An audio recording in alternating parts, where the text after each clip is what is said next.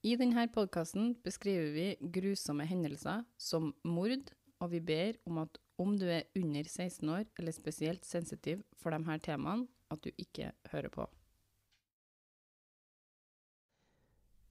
Før vi starter, så har jeg lyst til å si at dette er del én av en todelt eh, episode.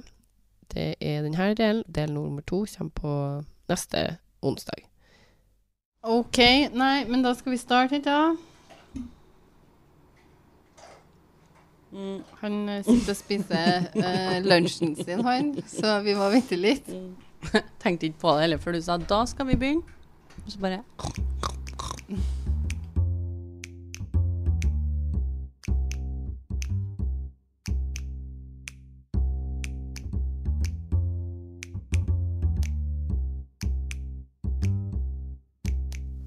Hei, hei, alle sammen. Velkommen tilbake til en liten pause med oss anonyme mørkredde. OK, en ny intro der. Dere lytter nå til meg, Maria og mine søstre Martine. og Andrea. Velkommen. Martine her. Og Og Andrea her. Og Maria. Maria. skal vi ta en sånn runde der du bare sier ett ord om gangen? OK. Jeg Gjorde ingenting. i går. Punktum. At det ikke er et ord, da. Jeg gjorde ingenting i går. Følte at vi skulle få til en interessant historie. Du må si men. Men så Gikk. jeg meg Gikk av meg en en tur. på gikk jeg meg på noen. Maria, de der kan ikke du skyve skjønner av gårde. Du kan ikke bestemme hvor de der skal ende opp. Ja, da, så gikk jeg meg Jeg gjorde ingenting i går, men så gikk jeg meg en tur. så ble hele dagen en ny opplevelse. Det, I dagens episode så skal dere få høre om en sak fra Cleveland, USA, i 1954. I den saken her så blir en Sam Shepherd beskyldt for å ha drept kona si Marilyn Shepherd etter hun blir funnet brutalt drept på soverommet deres. Sam Shepherd sitt fulle navn var Samuel Holmes Shepherd. Og han var født 29. desember i 1923 i Cleveland, Ohio. Ifølge en artikkel skrevet av Charles Montaldo, så ble eh, Sam valgt til Most Likely to Succeed på high school. Han var smart, atletisk, kom fra en god familie, noe som sikkert var viktig på 50-tallet. da. Og det blir også nevnt at han var en kjekk mann. Det var på high school at Sam møtte Marilyn, og de begynte å date allerede da. Marilyn var født 14. april 1923 og blir beskrevet som ei attraktiv kvinne med langt, brunt hår og brune øyne i Charles Montando sin artikkel. Ifølge hjemmesida Biography så utdanner Sam seg til å bli lege og studerte på Hanover College og Western Reserve University og var en stund i Los Angeles for å fullføre utdanninga si. Han uteksamineres fra Osteopathic School of Physicians september i 1945. Og samme året gifter Sam og Marilyn seg òg. Sam fortsetter å utdanne seg til å få en master i osteopati, før han begynner å jobbe på Los Angeles County Hospital. Så osteopater da, er folk som undersøker, behandler og forebygger muskel- og skjelettplager. Har faktisk vært ansett som alternativ medisin lenge. Men i Norge fikk osteopater status som helsepersonell i 2009. Men i USA har osteopater også lov å praktisere medisin og gjøre operasjoner på folk. I familien til Sam så jobba Steven og Richard, som var brødrene hans, også som leger. Faren til Sam, dr. Richard Shepherd, også lege, og brødrene til Sam drev et sykehus sammen og overtalte Sam til å flytte tilbake til Ohio for å jobbe med dem på det sykehuset. Så i 1951 flytter Sam og Marilyn til Ohio, hvor de bosetter seg i Bay Village ved Lake Erie i Ohio. Med seg har de sin fire år gamle sønn Samuel Reece Shepherd, som ble bare kalt Chip, og hunden Coco. Der levde de et tilsynelatende lykkelig liv. Marilyn som husmor, mamma, og på sida så lærte Marilyn bort bibelstudier på metodistkirka som de gikk til, og Sam som lege da, på familieklinikken. Lørdag den 3. juli i 1954 hadde, ifølge artikkelen på Famous Trials, vært en koselig kveld som Marilyn og Sam hadde tilbringt med venner fra nabolaget. Vennene deres, Don og Nancy Ahern, og deres to barn hadde tilbrakt kvelden med Sam og Marilyn og spist middag. Don hadde senere på kvelden kjørt hjem ungene sine, lagt dem, for så å returnere til Sam og Marilyn og kona si Nancy hjem til Sam og Marilyn. da. For når du sa. Don, så var det en nabo. Ja, det var en kompis ja, av dem, en nabo. Marilyn hadde lagt sønnen Chip, som var sju år på dette tidspunktet her. Og etter det så så de to parene på en film som gikk på TV-en. Det var bare to kanaler tilgjengelig, og filmen Strange Holiday gikk på en av de kanalene den kvelden. Sam hadde hatt en lang dag på sykehuset, så han flytta seg etter hvert til daybeden i stua. Og der sovner Sam. Fram til Sam flytter seg, så hadde Marilyn sittet på fanget hans, og det var god stemning hele kvelden. Rett etter midnatt sier Marilyn god natt og takk for i kveld til Don og Nancy, før hun går opp i andre etasje for å legge seg. Så våkner han seg midt på natta av at Marilyn skriker navnet hans i andre etasje. Han springer opp trappa for å finne ut hva som skjer. På soverommet finner han, og jeg siterer alle kildene mine som snakker om denne saken, når jeg sier at han beskriver det han møter på soverommet, som en skikkelse i hvitt, som står over Marilyn, som igjen ligger blodig på senga.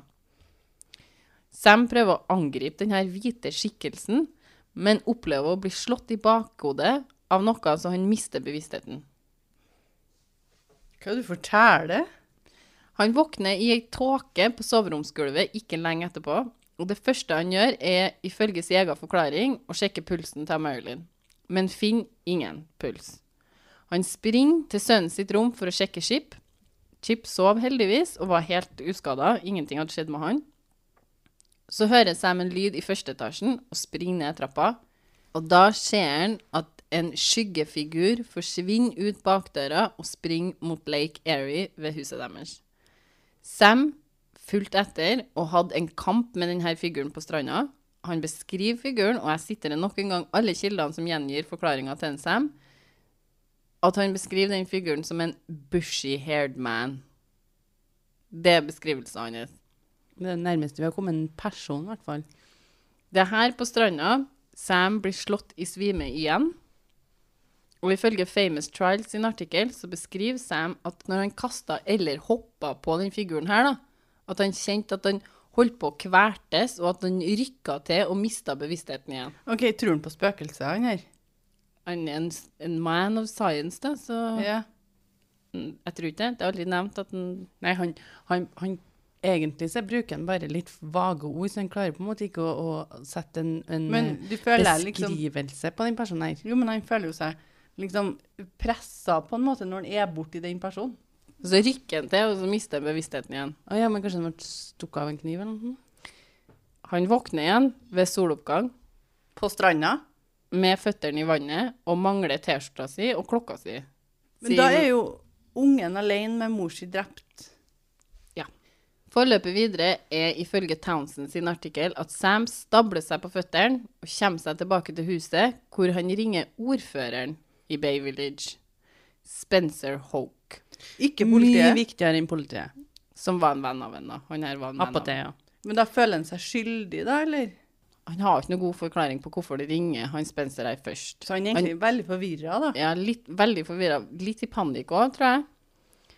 Uh, og det er tidlig på morgenen den 4. juli, sånn kvart på seks ish, at uh, Sam ringer til ordføreren Spencer og desperat sier 'Herregud, Spencer, kom hit fort'. Jeg tror de har drept deg, Marilyn. Dem. Hun sier 'dem'. Dem, men den forklarer jo bare én person. Nei. Han ble jo dunka i bakhodet mens han kikka på Det er sant. Men han ser aldri mer igjen. Nei. Mm, Spencer og kona Esther hopper inn i biler og kjører rett til Sam og Marilyn sitt hus. da. Men de ringte politiet først, da. Politiet blir ringt, okay. men som nummer to i rekka. Der finner de en Sam i bar overkropp med en blodflekk på buksa. Han traver fram og tilbake når de kommer, og er ganske uklar på detaljene. Veldig vanskelig å få tak på historien hans. Hvordan denne formen har kommet seg inn, f.eks. Ingen som vet. Hvor mange det egentlig var, for han sier dem. Men som du påpekte, han var slått i bakhodet når han kikka på den ene han så, og det er litt for, for, forskjellige forklaringer av hvordan de ser han, ut. han så jo bare én inn på soverommet. Jo, men, Men han blir slått i bakhodet. mens Ja. han står og kikker på skikkelsen.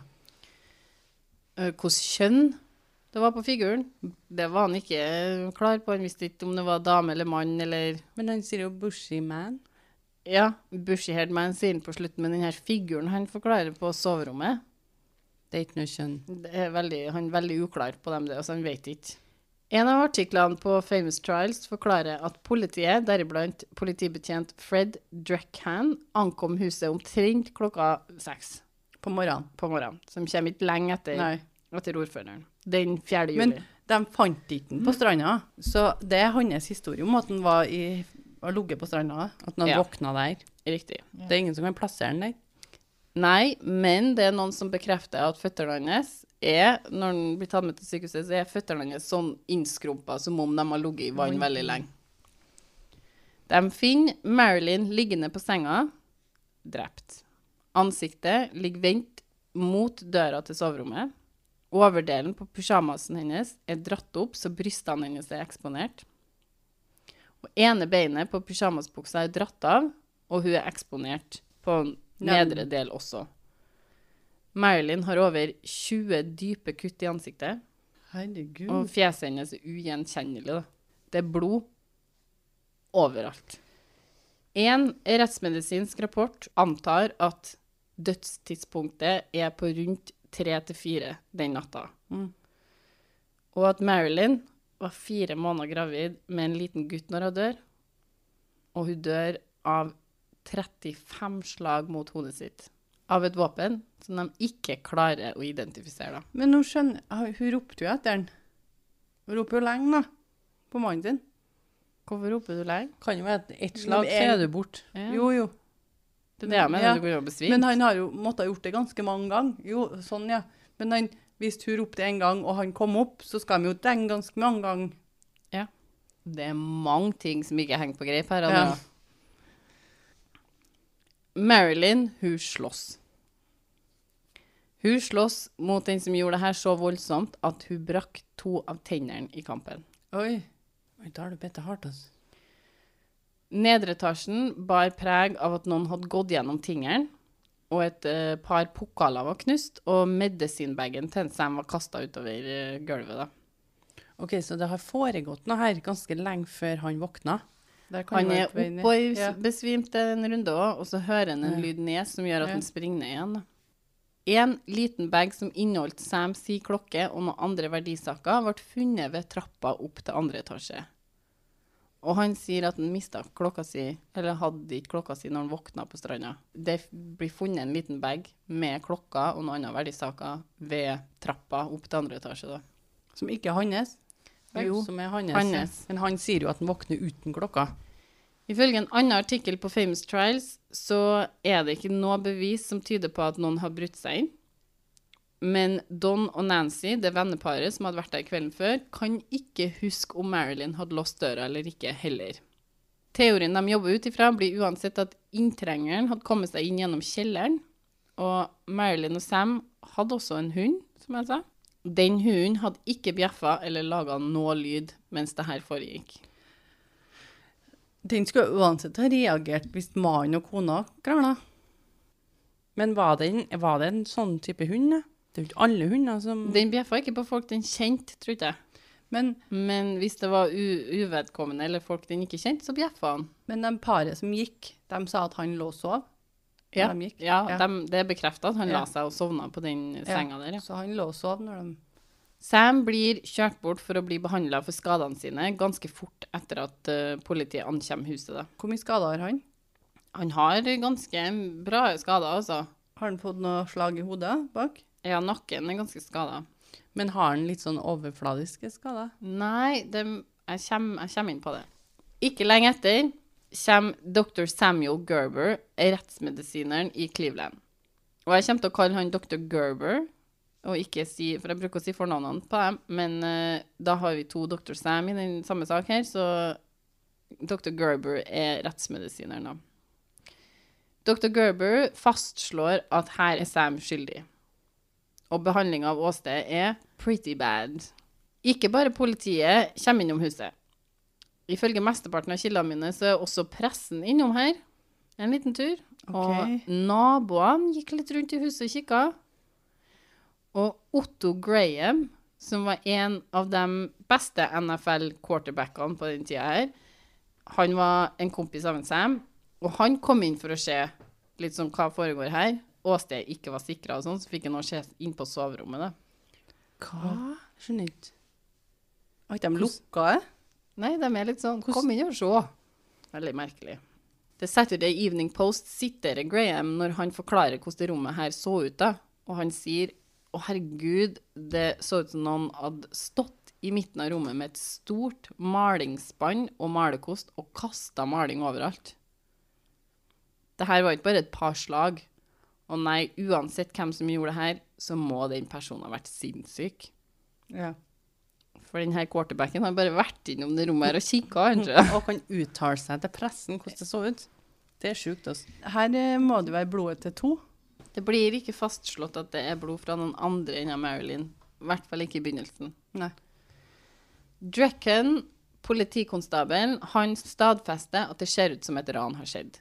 Eller i hvert fall er det gjort sånn at det skal se ut som et ran har skjedd. Mm. Han finner skuffene i skrivebordet til Sam dratt ut, men han syns at det ser ut som det er gjort litt for ryddig, og ingenting mangler. Dr. Gerber sin eh, mistanke mot Sam blir bare større og større. Han utfører ikke så veldig mye undersøkelser i form av fingeravtrykk eller blodanalyser. Ifølge en artikkel på PBS så blir Sam intervjua flere ganger mens han blir behandla for sjokk og nakkeskadene han hadde fått. Dr. Gerber er jo innom, da. Dr. Gerber sin etterforsker er innom, og to politibetjenter er innom, og noen fra Bay Village-politiet er òg innom og snakker med han. Den quarterbacken. Nei, han uh, fikk ikke komme inn der. Dr. Gerber tar klærne til Sam, og han merker seg at det er en blodflekk på buksa som det virker som om Sam har satt kneet ned i blod. Det er liksom, Blodflekken ned på en måte Så det ser ut som han har liksom satt kneet ned i noe blod, da. Sam han vika ikke fra denne sære historien sin. I det hele tatt. Å nei. Han begynte ikke å tenke at nå må jeg begynne å finne på noe annet her. Nei. Han finner ikke på noe, annet- han finner ikke på noe som gir mer mening engang. Nei. Det er samme historien hver gang. Men da må han Sorry meg, men da må han ha vært sinnssyk i øyeblikket. Og tror at det er noen som har bedt meg om å gjøre dette, og det er skikkelser, og det Når politiet direkte sier til Sam at de tror han har drept kona si, så svarer Sam at han elska Marilyn, og han ville aldri ha skada henne. Men det gikk egentlig bare nedover for Sam etter det her. Media publiserte mye usannheter og spekulasjoner, og det kom en hel del snakk ut om at Sam hadde vært utro, blant annet. 7. juli ble Marilyn begravd, og ifølge PBS sin timeline over saken, så møter ikke Chip opp der pga. den store mediedekninga begravelsen har.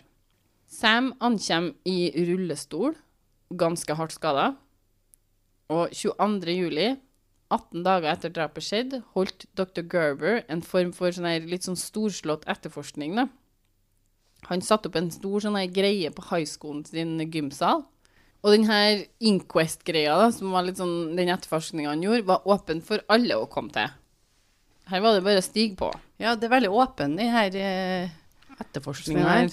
Jeg har et lite spørsmål rundt det at han sitter i rullestol. Ja, han er ganske forslått. Hun er ganske Men du trenger jo ikke rullestol selv om du er litt for, at du er Hvis han har så vondt i nakken, da. eh, nakkeskada, da. hvis han ikke klarer å reise, det er jo nedover hele rygg. Ja, jo da. Jeg bare, det hørtes ut som han var Står nå, han kommer i rull- rullestol. Om det skulle være et skuespill. et skuespill eller ikke, det vet ikke jeg. Men uh, det her skjedde etter at media hadde bedt dr. Gerber om å få ræva i gir og få i gang en inquest. De syntes han var forferdelig treg, og de var litt sånn Sam, han må stå til ansvar for det han har gjort. Media fortsetter å publisere veldig mye om denne saken her i mange måneder. Denne etterforskningsgreia til en Dr. Gerber i gymsalen går over bare tre dager, da. Men media er all over it. Presse, radiokanaler, bare folk som ville høre hva som hadde skjedd. Ja, hvis det var plass der, så fikk det komme. Bortsett fra advokaten til en Sam Shepherd. Å ja, han får ikke komme. Han fikk være der, men han fikk ikke delta først. Men når han prøver å legge fram noe bevis, så blir han kasta ut. Da får ikke han være der. OK, veldig spesiell etterforskning. Ja, så en liksom ens Altså, alle får delta. Om du er en NVF-spiller, eller hva det heter, NFL. ja, så får du delta. Men han, Kanskje han, det de slipper unna med, da, med sånn inquest, at det ikke er samme lovene, liksom, men det blir samme Jeg tror ikke det er samme lovene uansett, for det er på 50-tallet. mm. Så det er fullt mulig at en del lover har blitt endra siden den gang, da. Sam nekter under denne etterforskninga for å ha vært utro mot Marilyn, og holder fremdeles fast på hele sin versjon av det som har skjedd, uansett hvor snedig den hørtes ut. Ja, den, eh, det som skjedde den kvelden. Mm. Det her da, det starta den 22. juli, og ifølge PBS Timeline så er det ikke før den 23. juli at Bayview-politiet offisielt tar over saken. Og ikke før da sender de ut en etterforskningsgruppe for å sjekke huset og ta en sånn skikkelig etterforskning av det. da. Og det her drapet skjedde den 4. altså, Er ikke er ikke det litt sent? Det er veldig sent. De neste dagene er mesteparten av media sine overskrifter sånn som det her. Police captain urges Shepherd's arrest. Og Why don't police quiz top suspect? Og Why isn't Sam Shepherd in jail? Det lurer jo vi på litt, da. Historien gir noe mening, men han har ennå ikke noe bevis på at Nei, han har heller aldri påstått at liksom, nei da, OK. Bør, hvis du først skal lyge, vil du ikke komme opp med en litt bedre historie enn det der? Jo. Og dem som lyver, forandrer jo gjerne på historien Jo, sin. men ja. jeg tenker sånn at han har fått en At han er helt sinnssyk hjernemisbruker. For det er jo mange som blir sinnssyke og tenker at Gud har kommet og sagt at jeg skal drepe den personen her. Ikke mange, men det skjer, ja. Det skjer. Og da Han her har jo sett vesener, liksom. Sam blir arrestert 13. juli på bakgrunn av mistanke om at han har drept av Marilyn. På mistanke. Jo, men det er jo ikke så mye Det er jo ikke noe, det er jo ikke noe konkrete bevis, annet enn at historien ikke gir noe mening. Han er jo den eneste som er i huset. Jeg, jeg tenker hvis ja, du politiet, politi, det er jeg helt enig i. Og det er ingenting som er stjålet. Det er ingenting Altså, det er jo Hvorfor skulle noen komme inn og drepe henne? Men en dommer finner ikke noe grunn til å holde den, så han slipper den ut mot kausjon. Men han blir arrestert igjen bare dagen etter, og nå blir han sikta for mordet på Amelien. Så ikke på mistanken, men på mordet. Ei Susan Hayes, som hadde vært labtekniker og jobba foran Sam, hadde innrømt at de hadde hatt en affære. Og Sam innrømte det også etter det her. OK, så da forandrer historien seg litt, da. Da har han jo løyet. Det har jo ikke noe med historien han altså Nei, sånn- men han har løyet. Men han har løyet om noe. Mm. Ja. Og det gjør jo ikke at folket ser på han som noe mer uskyldig, da. Glad i det minste sagt det med en gang, liksom. De begynner å plukke ut jurymedlemmer i begynnelsen av oktober, og Forsvaret prøver seg på å få rettssaken flytta fra Bayview pga. at juryen muligens har blitt partisk med all medieoppslaget som har vært. Det her får de avslag på. Og juryutvelgelsen blir meget godt dekt av media. Media roper ut for rettferdighet for Marilyn, ifølge PBS-artikkelen, og mediene hevder at Sam har innrømma skyld i denne saken her ved at han har ansatt en veldig god forsvarsadvokat. Å, Nei. Nei, det må være uten at man Å, ja, det, jo, jeg det kommer jo an på Det kommer jo an på hvor mye penger du, har. hvis du tenker at ok, dere, nå er jeg mistenkt for mord, nå må jeg ha noen gode forsvarer. Men det er jo, altså jeg tenker jo, hvis de har penger nok til å betale seg for godt forsvar, så må jo det være lov. Det er jo det som er synd, er jo at folk som ikke har så mye penger, ikke har råd til godt forsvar. Absolutt. Videre i artikkelen står det at ingen spør juryen om hva de har lest om saken allerede, og juryen er heller ikke skjerma fra media. De er faktisk avbilda i avisene over 40 ganger.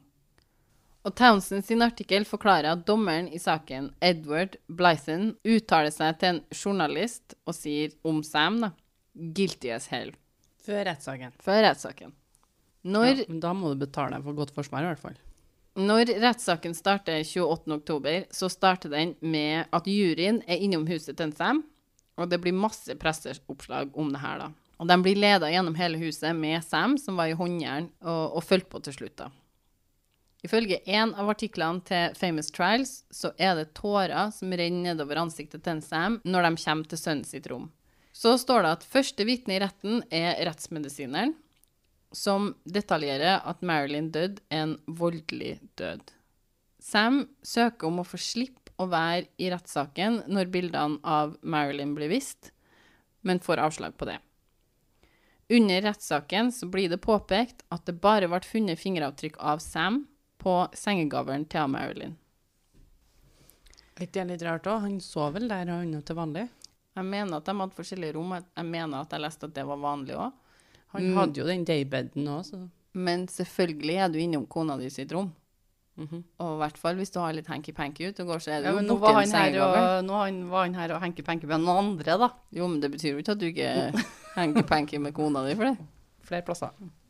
Ingen eksklusiv contract med noen, liksom. De drar fram også at Sam har forskjellige varianter av historien sin. Han blir slått ned av en hvit skikkelse, men litt avhengig av når det er spurt og når han forklarer seg, så skjer det her på litt forskjellige eh, steder i huset. da. Eh, og han sier en gang at det skjedde i stua, en gang på trappa og en gang på rommet, i tre forskjellige varianter av forklaringa si. Kristian forandrer litt på seg. Men, men eh, er ikke litt sånn at hvis du Han har jo på en måte kommet med en historie, så han må jo forholde seg til den historien. Men når han da lyver, så klarer han ikke å holde detaljene helt konkret. Så da forandrer de gjerne litt på seg. Videre forklarer den artikkelen at flere vitner om skadene til en Sam. Han hadde reelle skader i nakken, han hadde muskelspasmer som det ikke gikk an å fake på noe vis, eh, som også understreka hvor stor og reell skadene hans var. En sykepleier vitna om at føttene til Sam var skrukkete, og at det var i tråd med hans forklaring om at han hadde ligget halvveis i vann ei lang stund. Akkurat det der er veldig spesielt. Steven, broren til Sam, vitna om at Sam drev og blekka ut den morgenen når de kom til huset, og at han nærmest måtte bæres ut av huset for å få ham på sykehuset. Målet var å overbevise juryen om at de skadene her var det vanskelig å ha påført seg sjøl. En lege vitna om at røntgenbildene av Sam viste til et mulig brudd i hans andre cervical vertebra. Vi har da sju cervical vertebra-ledd som er på en måte nakken vår, da, som går fra der hodet vårt er og ned til der ryggen begynner. da. Så det er liksom sju ledd baki her. Og han hadde et mulig brudd i en. Så rapporterer media også om eh, hendelser da, som faktisk ikke er sant i saken. Som at et søskenbarn av Marilyn har vitna om at Sam hadde to personligheter. At han var litt sånn Dr. Jekyll og Mr. Hyde. Det var ikke sant. Det var ingen søskenbarn som hadde vitna. Et radioprogram snakka om saken når den starter, og sier at Sam gir falsk forklaring. At han begår da perjury, eller mened i retten, som det heter på norsk. Det skjer jo egentlig heller ikke. Han, eh, i, under den inquesten så lyver Ja, han jo om Om utroskapen. utroskapen, men i retten så Kommer jo an på om du ser på om den historien er løgn eller ikke. Altså, det kan jo ikke bevises av noen at det ikke er sant. Så er det ei avis som påstår at Sam har fått barn med ei anna dame i New York. Det innrømmer jo to av jurymedlemmene at de har hørt om, men dommeren gjør ingenting med det. For det er ikke sant. Det er ikke sant, nei. Det vet de, Ja. liksom. Politiet går ut i pressen og beskriver Sam som en løgner. Altså, dere skjønner jo hvordan det er her. Ja. Hvordan ståa var her nå. I Townsend sin artikkel så forklarer han at Sam vitna i rettssaken, og at han var et veldig dårlig vitne for seg sjøl. Townsend forklarer at Sam virka åndsfraværende og arrogant i vitneboksen. Han oppleves som en fyr som tok litt lett på denne utroskapssaken sin, og en litt sånn midt på treet-lege. Litt sånn nothing special, på en måte. Det er det han oppleves som, da. Selv om hans forklaring på det som har skjedd drapsnatta, ikke endrer seg, så sier han 'jeg veit ikke' 156 ganger når han blir utspurt i vitneboksen. Det en del gang. For som jeg sa tidlig, så er det veldig mange detaljer som er uklare. Altså sånn, var det mange? Vet ikke. Var det mer enn én? Vet ikke. Var det en mann? Vet ikke. Han vet ikke veldig mye, ja. sjøl om historien ikke endrer seg. Han har jo samme historie hele veien. Jo, men det er jo enda bra. At han fortsatt ikke vet. Hvis han plutselig nå bare Nei, det var en mann, ja. Ja, nei, så han sier 'jeg vet ikke', men han sier det veldig mange ganger. Statsadvokaten var opptatt av å formidle til juryen at om Sam kunne lyge om utroskapen, så kunne han godt lyge om å ha drept kona si òg. To forskjellige ting. Absolutt. Skjønner hva du mener, men jeg kan bare ikke skjønne helt liksom, når du blir på føler at folk begynner å peke deg ut som en morder. Så ikke lyg om sånne ting som kan komme opp senere. Han vet jo han jo at dette er ting som kan komme opp. Dr. Gerber vitna under rettssaken som et ekspertvitne. Han som i gymsalen. Ja. Og han påstår at det manglende drapsvåpenet var et kirurgisk instrument. Han sier aldri hvilket instrument det her kan være, eller viser Bare til noe et som kirurgisk et. Men det var et kirurgisk instrument. Det hadde han funnet ut av. For han kunne operere, han. Ja, Ja, det kunne så de har jo sånne ting med bein, Men- vet du. De har sånn hamrer og sånn. Han er jo 100 Jo, jo. sikker på at det er han. Så han sier ikke liksom hvordan, eller viser til noe sånn, se her, herre er det instrumentet jeg tenker på. Uh, han bare nevner at drapsvåpenet er et kirurgisk instrument. Og det vet dr. Gerber fordi han finner et avtrykk på et putevar. På putevar. Der han var liksom, her må jo drapsvåpenet ha ligget. Det er på en måte, det har ligget noe der, og at det blir et avtrykk på puta fordi at blodet har landet på toppen. Men da går ikke det. For de har jo brukt det. Ja, det tenker jeg òg er naturlig å tenke, men det blir ikke dratt fram, i hvert fall ikke i den her. Nei, og så kan man jo tenke, hvorfor ligger det der da? Hvis det ikke ble brukt. Det her putevaret blir vist til juryen, og dr. Gerber forklarer ut ifra mangelen på blod da, på puta, som har laga på en måte en sånn eh, hva heter det, outline da, på puta, hvordan han konkluderte med at det her er et kirurgisk instrument. Og det hjelper ikke saken til en Sam overhodet, med tanke på at han er lege, da. I artikkelen til PBS så stadfester de at den 17. desember går juryen for å drøfte saken. Påtalemyndighetene har gått for dødsstraff i den elektriske stolen. Overlagt drap, first degree murder, drap med intensjon om å drepe, og hvor personen har vært helt til stede og visst hva de har gjort. Det er det de går for. 21.12. kommer juryen ut og dømmer Sam til forsettlig drap, second degree murder, og han blir dømt til livstid i fengsel. OK, så ikke i elektriske chair. Sam anker saken et par ganger, men begge ankesakene blir avvist. Et par ganger, men begge gangene blir det avvist. Altså, avvist. anke blir avvist, anke blir avvist. to ganger. To ganger. Videre i denne historien her skjer det en del veldig triste ting i tida etter dommen til Sam. Engaged Scholars har et avisutklipp fra 7. januar i 1955 som omtaler Ethel Shepherd, Sam sin mor. Hun hadde lidd et hjerteinfarkt under rettssaken og ble lagt inn på sykehuset en stund. Ikke lenge etter det ble dr. Shepherd, faren til en Sam, lagt inn på sykehuset, han også. Okay. Han var kronisk syk og ved dårlig helse. I dette avisutklippet blir det beskrevet at Ethel bodde med en av brødrene til en Sam, Steven, mens øh, faren til Sam og Steven var innlagt på sykehuset. da. Ethel, Chip og ei husholderske er de eneste i huset når Ethel skyter seg sjøl på rommet hun ligger på. Å nei. Hvis en chip er hjem. Hun legger igjen en lappe der det står Dear Steve, I just can't manage alone without father. Og så signerer hun det bare med mother, da. Ikke lenge etter det her så dør faren til en Sam på sykehuset av komplikasjoner av et magesår eller kreft. Det står litt forskjellig, men han dør. Og det skjer ganske kort tid etter at Sam blir dømt da, for drapet. Da Jeg syns kanskje ekstra synd på en chip, da. Ja. Mister jo alle omsorgspersonene sine. Da har jeg lyst til å si at uh, det her er slutten på del én. Lytt til del to, Som kommer ut neste onsdag. Så folk hører høre det som skjer i ettertid av dommen til NSM, og eh, eventuelle andre teorier over det som har skjedd den kvelden her. Han sitter i fengsel, og vi får høre ettertida i fengsel, liksom. Nei, det er mer som skjer. Anken kommer ut, liksom. Men Dere må jo lytte til del to, da. Ja, det må vi. Det må vi virkelig. Følg oss gjerne på Instagram. En liten pause. Der eh, legger vi ut litt eh, om episodene og oss sjøl. hvis du har en historie, en trist, artig, morsom, en vandrehistorie, en ordentlig historie, en sann historie, en historie du har hørt fra noen, uansett hvilken historie det er, og du har lyst til å dele den med oss, så vi kan ha den på den bitte lille pausen vår på søndager, så send oss gjerne en mail. En liten pausepodkast at gmail.com. Sammenheng. Tusen takk for at du lytta på. Tusen takk. Vi høres. Det gjør vi. Ha det! Ha det.